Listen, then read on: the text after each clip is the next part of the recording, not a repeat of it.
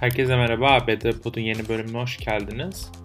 Bu haftaki gündemimiz de aslında Ukrayna'da neler olup bittiği. Çünkü aslında şu anda Amerika gündemi, Washington gündemi Ukrayna üzerinden dönüyor. Yeni ekonomik yaptırımlar üzerine odaklanmış durumda şu anda ABD Kongresi. Özellikle Rusya'dan ithal edilen petrol ve doğalgaza bir ban getirilmesi söz konusu. Özellikle kongre üyeleri bunu gerek cumhuriyetçiler gerek demokratlar kolektif bir şekilde aslında böyle bir istek var kongredeki iki partide de ancak Biden yönetiminin eli kolu bağlı bir noktada diyebiliriz. Çünkü zaten mevcut enflasyon ve aslında global çapta petrol fiyatlarının yükselmesi Rusya'ya uygulanacak olası bir ithal yasağının da aslında ABD ekonomisine oldukça kötü etkileyebileceği ihtimali üzerine duruyor Biden yönetimi. Çünkü enflasyon zaten geçtiğimiz yıllara göre yüksek seviyede Amerika'da. Petrol fiyatlarında global çapta bir artış var. Böyle bir banın aslında Amerika ekonomisi için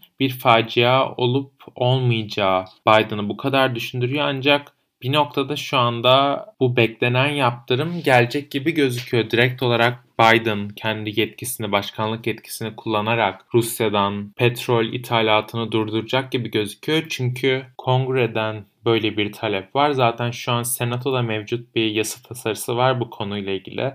Geçtiğimiz günlerde Temsilciler Meclisi Sözcüsü Nancy Pelosi de bu konuyla ilgili desteğini dile getirmişti. Dolayısıyla şu anda aslında Biden hükümetinin olabildiğince az ekonomik zararla çıkılabilecek bir ekonomik yaptırım getirmesi gerekiyor Rusya'ya, Rusya'dan ithal edilen petrole ve doğalgaza. Aslında baktığınızda zaten Amerika o kadar da fazla petrol ithal etmiyor Rusya'dan hatta oldukça az düzeyde bir ithalatı var Rusya'dan ancak petrol ve doğalgaz sektörü aslında Putin'i zenginleştiren, Putin'i kendi politikalarını finanse etme imkanı sağlayan araçlar olduğu için Biden da aslında Biden'dan ziyade aslında ABD Kongresi de Putin'i tam bu noktadan vurmak istiyor.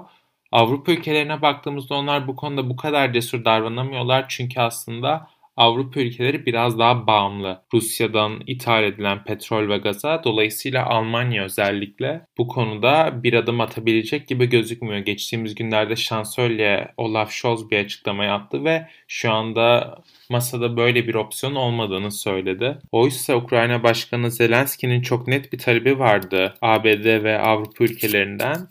Bunun dışında bir de NATO'ya bir talepte bulunmuştu Zelenski. Ukrayna hava sahasını no-fly zone ilan edin ki Rus uçakları artık saldıramasınlar. Ancak bu talebi NATO'dan bir yanıt bulmadı çünkü Ukrayna hava sahasının NATO tarafından no-fly zone ilan edilmesi demek aslında NATO'yu ve NATO ülkelerine savaşa sokan bir hamle olarak değerlendirilebilir. Çünkü özellikle zaten Rus tarafının da bu konuyla ilgili bir açıklaması vardı. Yani Ukrayna hava sahası girilemez, uçulamaz ilan edildiğinde ve bir Rus uçağı daha sonrasında bu alana giriş yapıldığında hani sonrasında bir ateş açılması, o uçağın düşürülmesi gerekecek ve bu aslında NATO'ya kalan bir sorumluluk olacak ve bir NATO askeri ya da bir NATO uçağı Rusya'yı hedef alırsa bu bir savaş ilanı olarak değerlendirilebilir diplomatik açıdan Rusya tarafından. Bu da aslında 3. Dünya Savaşı anlamına geliyor.